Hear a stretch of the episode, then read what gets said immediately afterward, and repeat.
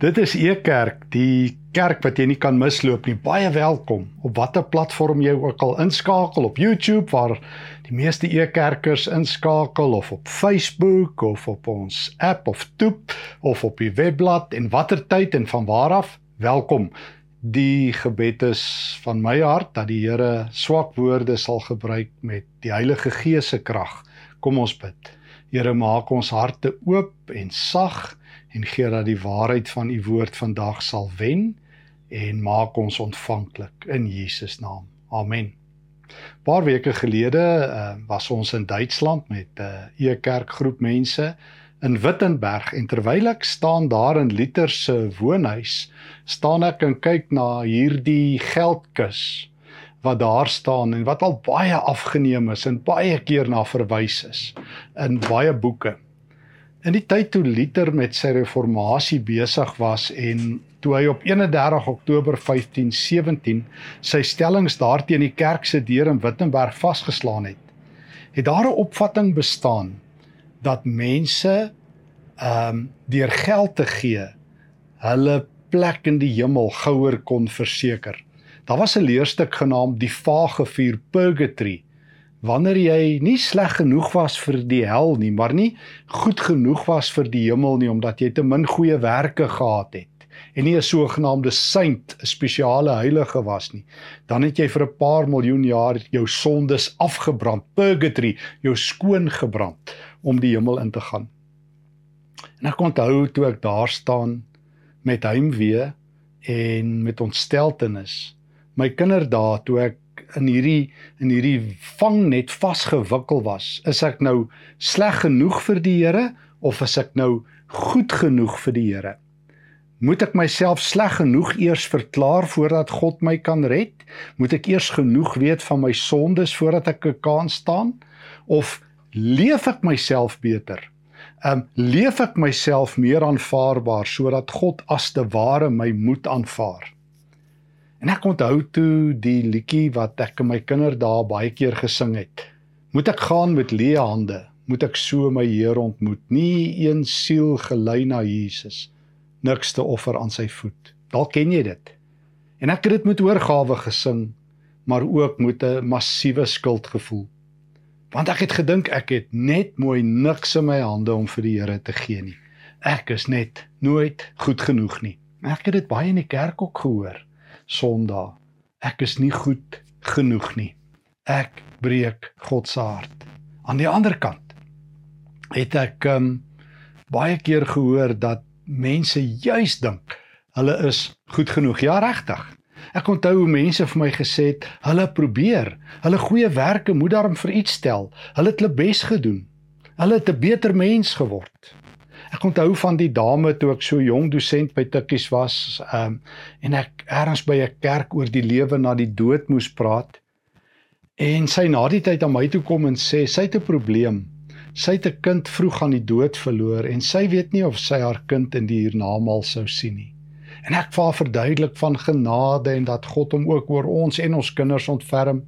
En sy vir my sê nee nee nee, my kind sal in die hemel wees. Die probleem is ek wat die ma is sal so 'n goeie plek in die hemel hê en my kind wat mos nou maar net 'n kort rukkie nou 'n gelowige was of genade gehad het, sal so 'n slegte plek hê dat ons mekaar dalk nooit sal sien nie.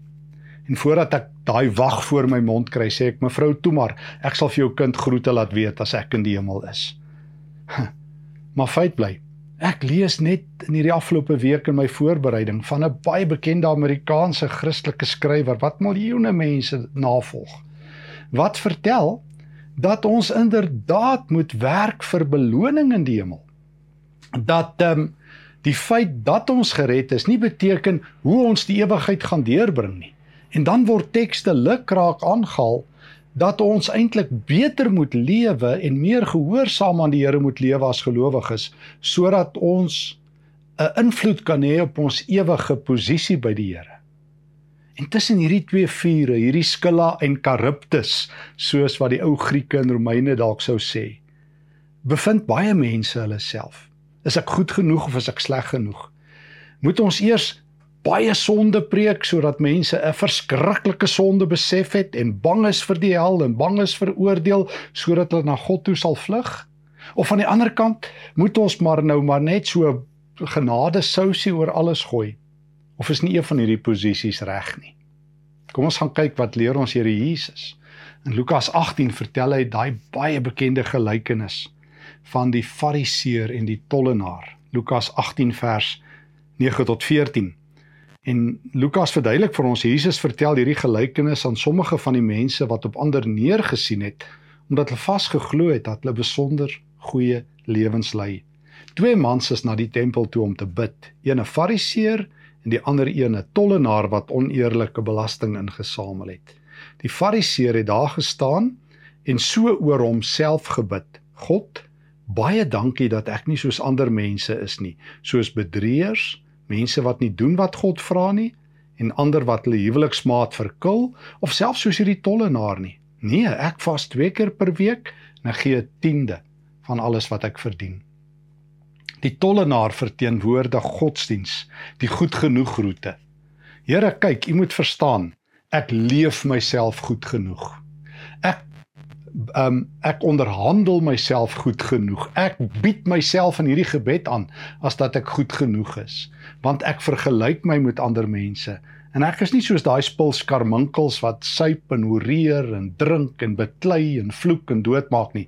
Ek leef 'n jolly goeie lewe en dit moet vir iets tel. En dis die hart van godsdiens. Nog altyd, alle godsdienste. Jy kan maar deur alle godsdienste blaai reg oor die wêreld. Dit werk met onderhandelinge. Ek bied vir die godheid of in die geval van die fariseërs vir die ware God my lewe aan as 'n model.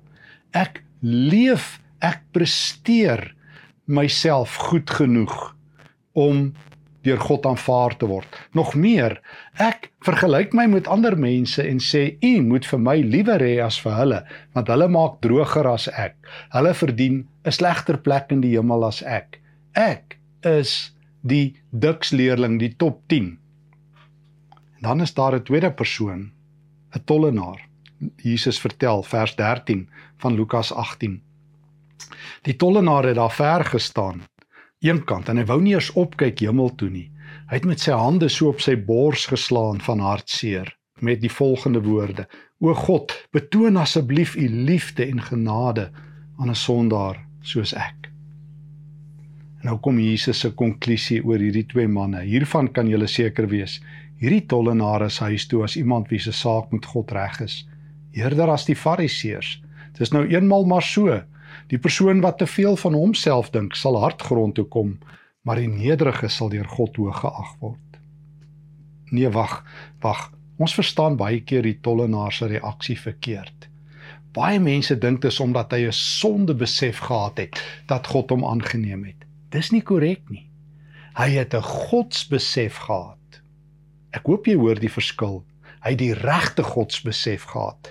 En dit is vir my die die verlore skakel in so baie gesprekke soos is ek goed genoeg vir God of sleg genoeg vir God? Nee nee, is nie een van die twee nie. Dit gaan daaroor dat ek weet wie is God, nie wie is ek nie in die eerste plek, wie is God in die eerste plek? want uh, die fariseer het 'n oorskatte idee idee van homself gehad en baie mense vandag het 'n onderskatte idee van hulle self ek het dit gehad ek het gedink Ek is net nooit goed genoeg vir God nie, nooit nie. Al probeer ek wat. Ek het dit al 'n keer of wat vertel ook by Ekerk.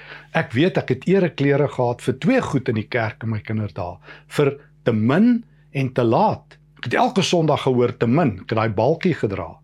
En die ander Sondae gehoor as ek iets probeer, te laat. Ek het gevoel ek maak dit nie, die dwarslaat skuif elke keer. Maar weet jy wat gebeur met hierdie tollenaar? Hy het die regte verstaan van God. Hy begin by God en hy weet iets van God. God is genadig. En genade is onregverdig in 'n sekere sin. Dis vir die verkeerde mense bedoel. Dis bedoel vir mense wat hulle self nie kan red nie of hulle goed is of sleg of hulle fariseërs is of tollenaars. Genade is eweveel vir almal bedoel vir moordenaars, vir goeie mense, vir jolly goeie mense, vir kinders, vir groot mense, vir ou mense, vir bloubil ondersteuners, jy noem dit. Skus vir die vliegtye. Genade is um God in volkleur. Genade is wie God is. Hy bewys genade. En die oomblik wanneer jy voor God staan en dit van God weet, dan kom jy net tot een konklusie. Ek is nie goed genoeg om dit op my eie te verdien nie. Ja, in daardie sin het die tollenaar 'n sonde besef nadat hy God ontmoet het, net soos Paulus. Paulus was 'n briljante fariseer. In Filippense 3 spog hy as 'n fariseer voordat hy tot bekering gekom het, vertel hy sy Christelike CV, sy korwit, impressive, indrukwekkend, onberispelik vertel hy. Dit is sy hoogste um akkolade, sy hoogste prestasie. Hy was onberispelik wat die wetsonderhouding betref. So Paulus het nie 'n sonde besef gehad toe hy in Jesus vasgeloop het daar op die pad na Damaskus toe nie. Inteendeel, hy het gedink uh, Christus is 'n uh, vals Messias. Maar nadat hy tot bekering gekom het, nadat hy ontdek het wie's Christus, het hy eers 'n sonde besef gehad. Toe besef hy, Here, as dit nie vir U was nie, sou my hele lewe in die gemors gewees het. Dieselfde met die bekende kerkvader Augustinus. Ons onthou sy bekende woorde: "But for the grace of God, there go I." Was dit nie vir die genade van God nie, dan sou dit ek gewees het. Hy sou dit vertel het blykbaar een keer toe hy 'n dame van losse sedes gesien het met wie hy tyd deurgebring het voor sy bekering en toe sou hy verwys het na haar en gesê het: "Was dit nie vir die genade van God nie, dan was ek steeds daar." O, die regte ding wat met jou moet gebeur, met my moet gebeur, is nie om die heeltyd na onsself te kyk wanneer dit oor redding gaan en oor hoe ons moet lewe nie, maar na God. Ons moet iets van God weet. Ehm um, en dis wat Luther ontdek het en dis wat elke Bybelskrywer luidkeels uitpasyn. Hoor net hoe skryf die apostel Paulus daaroor in in die Efesiërbrief. Hy vertel ons iets van God. Hy sê, weet julle wat het ek ontdek? Ek die self-righteous, die selfgeregverdigde fariseer. Toe Jesus op my vasloop, het ek die volgende ontdek. En julle moet dit ook weet. Um Efesiërs 2 vers 1. Vroer was julle dood in God se oë. Julle oortredings en sonde was die rede hiervoor. Dit het julle gevange gehou in 'n doodsgreep. En dan sê hy in vers 2: Julle het hierdie sondige wêreld se goddelose maniere van leef agterna geleef en wat daarop volg. En dan sê hy eens op 'n tyd vers 3 het ons almal so geleef en dan vertel Paulus al die vieslike dinge wat ons aangevang het. Hy sê vers 4 en eers sê in vers 3 en ons was uitverkoop aan ons sonde en God se oordeel het op ons gewag. Hy sê ehm um, maar God vers 4 maar God ek hou so van daai teenstelling maar God is skatryk in ontferming en in omgee. God is 'n biljoenêr, 'n triljoenêr, 'n hemelse superbiljoenêr in genade. Hy is skatryk in ontferming en in omgee en toe stort hy dit op ons uit. Die probleem met die fariseer van Lukas 18 was, hy het nie gedink hy dit nodig nie. Maar ons almal het God se genade nodig. Ons het nodig om te weet God skenk lewe. En hy skenk dit aan die verkeerde mense aan ons almal wat dit nie verdien nie. Ons kan nie onsself in 'n beter plek inlewe sodat God ons moet aanvaar nie. God se slaagsyfer is nie 51%. Hy hou nie boek en sê as jy net 51% gehoorsaam is, dan sal ek jou aanneem nie. God se slaagsyfer Galasiërs 3 is 100%. As jy op jou eie stoom by hom wil uitkom. En daarom sê God ek het 'n beter plan. Ek het die oplossing want jy's dood in jou sonde nie eers jou beste goeie werke gaan dit maak nie. En daarom gaan ek um, gaan ek jou bevoordeel, jy wat 'n sondaar is, jy wat dood is, jy wat swak is, jy wat magteloos is, jy wat jouself nie kan help nie. Ek gaan my seun stuur in die taal van Hebreërs 2 en Hebreërs 4. Ek gaan medelee met jou hê in jou swakheid. Nog meer, my seun gaan vir jou betaal Romeine 5 vers 7 terwyl jy in jou sondes rond lê. Nou terug na Efesiërs 2 vers 4. God is skatryk in ontferming en in omgee. Hy het dit in oorvloed met ons gedeel. Hy het ons liefgehad met 'n liefde wat absoluut geen grense ken nie. Ons was dood as gevolg van al ons oortredings, maar hy het ons lewend gemaak saam met Christus.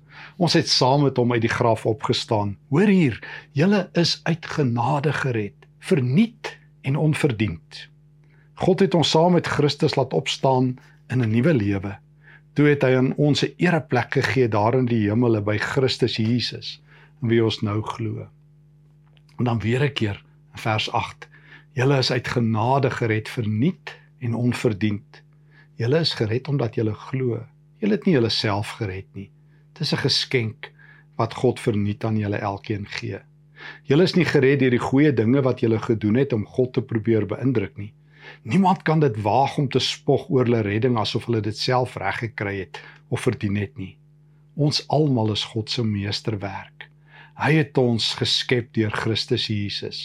Van kop tot tone is ons splinternuwe mense wat gemaak is om al daardie goeie dade te doen wat God be vooruit beplan het vir ons om te doen. Nou moet ons ons lewens hieraan wy. Ek wens ek kan die hele dag net Bybeltekste lees. Weet jy wat? Nee, dit gaan nie oor of ek sleg genoeg is net eers moet weet nie. God kom na my toe in Christus. Soos wat hy na Paulus toe kom of hy 'n goeie mens is of nie. En ek moet soos die tollenaar in Lukas 18 dit net besef. En soos die selfregverdigende Paulus wanneer Jesus in my vasloop, dit net besef. Maak nie saak wie ek is en waar ek is wanneer God my raakloop nie. Of ek vol van myself is en dink ek is 'n baie goeie mens wat myself verbeter nie en of ek 'n armsalige sondaar is nie wat met 'n verskriklike sonde besef loop nie. Die belangrikste is dat Jesus na my toe kom en hy doen dit. En hy doen dit vandag en hy kom na jou toe. Hy's op jou hakke. Hy kom om jou te red. Hy sal nooit ophou nie. Hy's op die hakke van die wêreld. Hy wil in die taal van 2 Petrus 3 nie dat enigiemand verlore gaan nie, maar dat almal gered word. Dis wat Jesus doen. Hy's op 'n soekgeselskap. Dis nie jy en ek wat die soekers is nie. Sedert um, Adam en Eva se droogmaak sessie is ons wegkruipers. Saam met Adam en Eva kruip ons weg vir God. Dis God wat soek. Dis God wat die sendeling is. En uiteindelik, uiteindelik het hy besef godsdiens en mense se pogings om 'n leer hemel toe te bou, gaan nie werk nie. Want ehm um, vir elke goeie daad wat ons doen, trap ons twee leertjies onder toe stikkend. En in elk geval, soos wat Paulus in Galasiërs 3 sê wat ek net nou ook aangehaal het, um is God se slaagsyfer 100%. So as jy op jou eie stoomboom wil uitkom, meneer die Fariseer, dan moet jy jou hele lewe elke dag 100% alles gehoorsaam. Jy kan nie jou eie verlossing verdien nie. Jy moet op Christus staat maak. Jy moet aan Christus vasgryp. Jy moet weet God red sondaars. Hy's die God van genade. Genade maak dat 'n sondaar 'n kind van God is wanneer daardie kind van God begin glo. Dit maak dat 'n dooie lewe. Dit maak in die taal van Romeine 5 dat 'n magtelose kragvol word met die Gees vervul word. Galasiërs 5. Dit maak dat 'n hooplose met die hoop van Christus vervul word. Dit maak dat 'n sondaar se status verander na 'n kind van God. Het jy gehoor? Dit doen Christus wanneer hy jou raakloop. Hy verander jou vanaf 'n sondaar na 'n kind van God, na 'n geeslose, na 'n geesvolle, na 'n dooie, na 'n lewende, na 'n veroordeelde, na een van wie die oordeel afgehaal is. Nee nee, en nou probeer ek nie meer presteer en dinge doen om die Here se oog te wen nie. Nou is ek nie bang vir 'n vaage vuur omdat Christus net vir my redding betaal het, maar intussen moet ek werk vir 'n beter plek in die hemel nie. Of nou is ek nie besig om soos die moderne skrywer sê te werk vir my rewards in heaven, vir my sewe krones nie. Want dan sit alweer 'n kompetisie. Dan moet ek die heeltyd prestasieklausules nakom. Christus het die prestasiemeting namens my gedoen in die taal van 2 Korintiërs 5 vers 21. Hy wat geen sonde geken het nie, is aan my plek as 'n sondaar behandel sodat ek deur God vrygespreek kan wees van die grootste woorde ooit oor die versoening. Ek kan nie presteer. Ek kan my nie in God se arms inleef, in presteer, myself goed genoeg maak, genoeg goeie werke doen nie. Ek kan net aan Christus vasgryp wat namens my presteer. Hoor net weer die woorde um, van vers 20 21 van 2 Korintiërs 5. Christus het nog nooit enige sonde gedoen nie. Nogtans het God hom soos 'n sondaar behandel aan die kruis. Dit het hy gedoen sodat hy ons nie so sondaars hoef te behandel nie. Op hierdie manier het God ons verhouding met Christus herstel. Hy het gesorg dat almal van ons wat deur hom vrygespreek is, weer God se vriende is. En hoor net weer 'n keer Galasiërs hoofstuk 3 waarna ek nou al twee keer verwys het.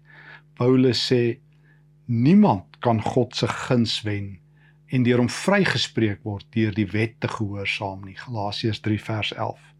Of Galasiërs 3 vers 10 almal wat staat maak op hulle eie gehoorsaamheid aan God se wet staan onder die vloek. God sal hulle straf. In die Bybel staan daar juis geskryf: Elkeen is vervloek wat nie alles gehoorsaam en wat presies doen wat geskryf staan in die wet nie. Genadiglik, vers 13, het Christus ons bevry uit hierdie slawerny. Hy het ons losgekoop van die vloek wat die wet oor ons uitoefen. Dit het hy gedoen deur self 'n vervloekte te word in ons plek. Ja. So ons vraag waarmee ons begin goed genoeg of sleg genoeg vir genade? Nee nee. Die beter vraag is, wie is God? Ek hoef nie eers 'n sonde besef te hê voordat God my kan red nie. Hy het Paulus gered al het Paulus oorgeloop van arrogansie toe hy in Jesus vasgeloop het. Maar wanneer ek weet God is die genadige God wat my red, waar hy my kry, onverdiend of ek godsdienstig is of ongodsdienstig, man of vrou, arm of vry, Jood of Griek, maak nie saak nie. God red uit genade. Hy red my sonder teenprestasie, sonder klousules. Hy red my nie voorwaardelik nie. Hy sê nie van nou af Stefan het ek jou gered en e kerker en wie ook al, het ek jou gered en van nou af sal jy moet presteer want ek gee nou vir jou ewige lewe maar jy sal nou moet presteer sodat ek vir jou eendag 'n beter of 'n slegter plek in die hemel gaan gee nie. Dan sit weer 'n kompetisie. Dan moet jy en ek te mekaar kompeteer vir beter plekke. Nee nee, alles is genade. Maar laastens beteken dit ek het nou 'n uh, ekskuus vir die Engelse beeld, 'n get out of jail kaartjie. 10 gratis sondes met komplimente van die hemel. Want baie mense hoor dit as hulle genade hoor. O, nou kan ek in lekker lui lekker land lewe. Leef soos ek wil, want alles is betaal. Die plek is verseker. Ek het my kaartjie hemel toe. Nee. Nee. Nee, dan verstaan ons niks van genade nie. Want genade is nie 'n eenmalige handeling nie. Genade is God wat in Christus handel, wat sy Heilige Gees aan ons gee, wat ons in die volle waarheid lei. Daarom skryf Paulus vir die Korintiërs in 2 Korintiërs 5 dat um, ons smeek julle um, laat toe dat God uh, julle met homself versoen, vra in 2 Korintiërs 5. En in die Galasiërbrief kom Paulus en hy pleit by ons, laat toe dat ons deur die Heilige Gees gelei word. Hoor net hoe hoe, hoe roep Paulus dit uit hier in Galasiërs hoofstuk 5 in vers 13 van Galasiërs 5. My liewe familie in die Here, God het julle geroep en gered om vry te wees. Moet dit nie as 'n misbruik as 'n verskoning om agter julle sondige begeertes aan te loop nie. Um Paulus sê ons het nie 'n vrypas om te sondig nie. Dan trek ons 'n streep deur die Heilige Gees wat in ons werk. Vers 25 van Galasiërs 5. Deur die Gees se werk in ons het ons deel gekry aan hierdie nuwe lewe. Daarom moet ons die Gees getrou volg. Ons moet reg lewe binne hierdie nuwe lewe waarvan die Gees ons deel gemaak het. Dus die vraag is nie of ek sleg genoeg of goed genoeg vir God is nie. Dit gaan nie oor my nie, dit gaan oor God. Dit gaan daaroor dat ek God se hart ontdek en besef hy red my verniet. Hy red my verniet en dan besef ek, Here, wie is ek? nadat U my gered het.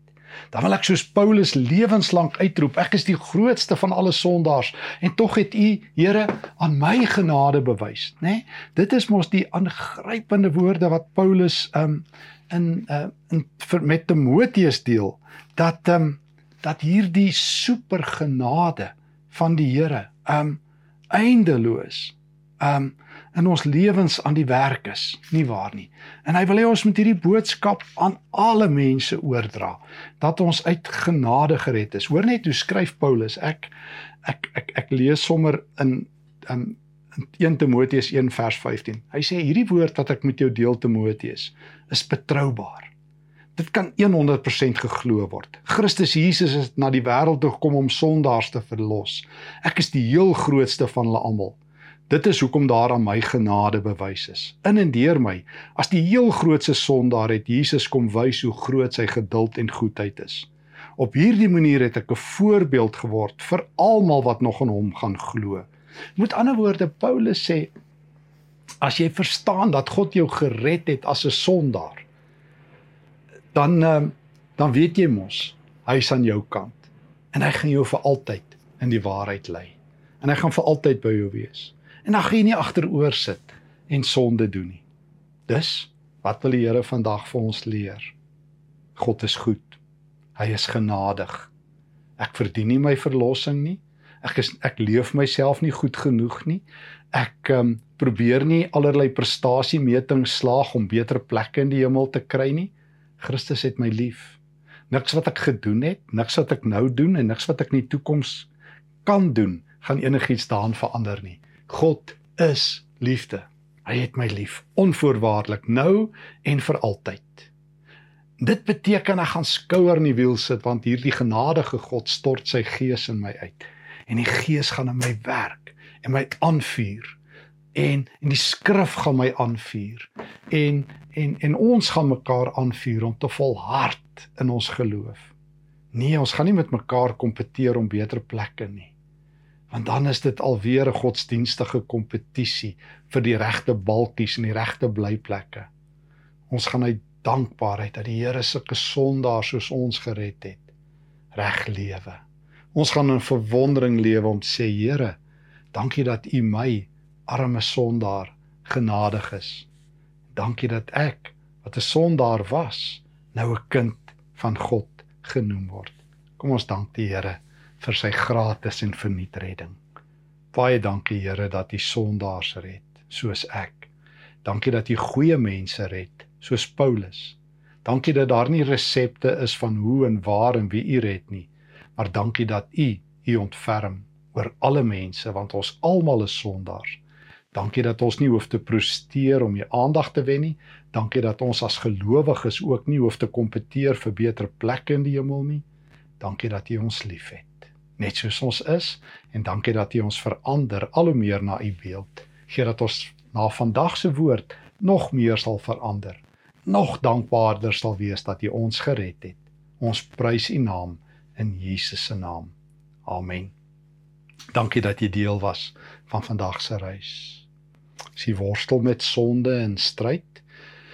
Ons het 'n beraader, Dr. Jaco Pitter wat uh e-kerk betaal sodat jy gratis met hom kan kontak maak by berading@ekerk.org. As jy behoefte het aan gebed of is daar dinge in jou lewe, skakel asseblief uh of tik asseblief vir uh, Dr. Jaco by berading@ekerk.org. Ons bid graag saam met jou en ons sal graag saam met jou die pad van die Here wil loop. Op Ekerk se webblad is daar baie hulpmiddels. Uh jy sal sien uh Bybelskole. Ons het elke Vrydagoggend gedurende die kwartaal ons Bybelreis deur die Lukas Evangelie en ons het 'n hele argief van Bybelskole oor God se wil, oor die Prediker, oor Spreuke, Jeremia, jy noem dit dan hulle lê daar. Ehm um, sommer net vir interessantheid, as jy belangstel volgende jaar daarvan af ek as ek reg onthou 29 Augustus het ons 'n e-kerk toer na uh, Israel weer en ek dink daar's nog vir ons April toer uh op Paulus se sendingroete in Griekeland is daar nog twee plekke of vier plekke oop. Alles is op die e-kerk se webblad. Dankie vir almal wat ook geldelik betrokke is sodat baie armes kan eet want dis die Here se roeping op ons harte en op ons lewe. En dankie vir jou ondersteuning. Mag die Here jou ryklik seën. Gaan wees bly dat God se genade oorgenoeg is vir jou en my. Vrede vir jou.